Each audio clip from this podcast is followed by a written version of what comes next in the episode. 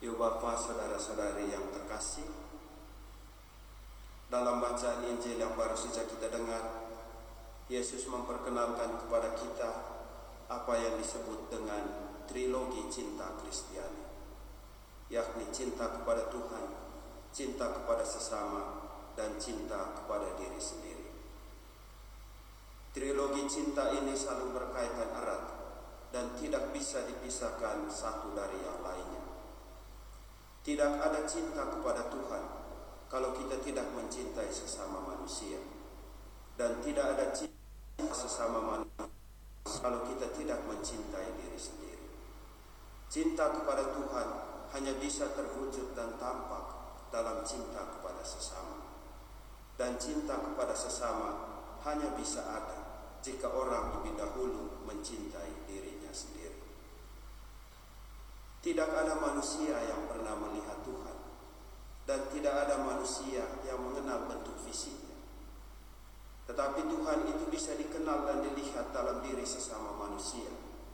Karena Tuhan dalam cintanya telah menciptakan manusia seturut gambarnya sendiri. Maka akan sangat sulit dipahami jika orang mengatakan bahwa ia mencintai Tuhan tetapi tidak menghargai Cinta semacam itu adalah cinta dari orang yang mabuk agama. Cinta yang lahir dari pandangan yang sempit dan keliru tentang Tuhan. Demikian juga halnya akan sulit dipahami kalau orang mengatakan bahwa ia mencintai sesamanya tetapi mengutuk dan membenci dirinya sendiri. Cinta yang benar kepada sesama hanya lahir dari penghargaan dan penerimaan yang ikhlas terhadap diri sendiri. Apa saya inginkan orang lain lakukan kepada saya, itulah yang saya ingin lakukan kepada orang lain. Dan itulah inti dari hukum cinta. Semua kita tentu sudah dengan sangat baik memahami trilogi cinta ini.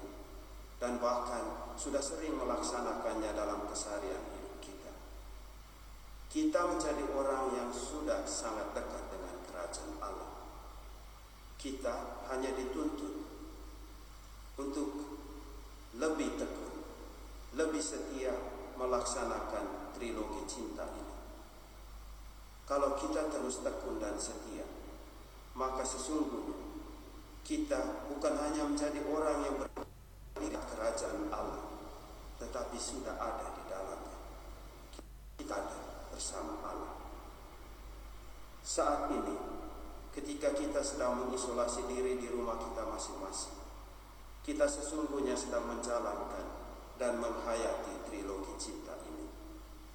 Dengan mengisolasi diri, kita bukan melindungi diri corona, tetapi juga melindungi orang lain, terutama generasi tua. Karena orang tua adalah orang yang paling riskan untuk terinfeksi virus ini saat ini. Dan dengan melindungi diri sendiri dan orang lain, kita juga sesungguhnya melindungi kehidupan yang berasal dari Tuhan itu sendiri. Isolasi diri kita dalam hal ini dapat diartikan sebagai bentuk cinta yang paling nyata kepada Tuhan, sesama, dan diri sendiri.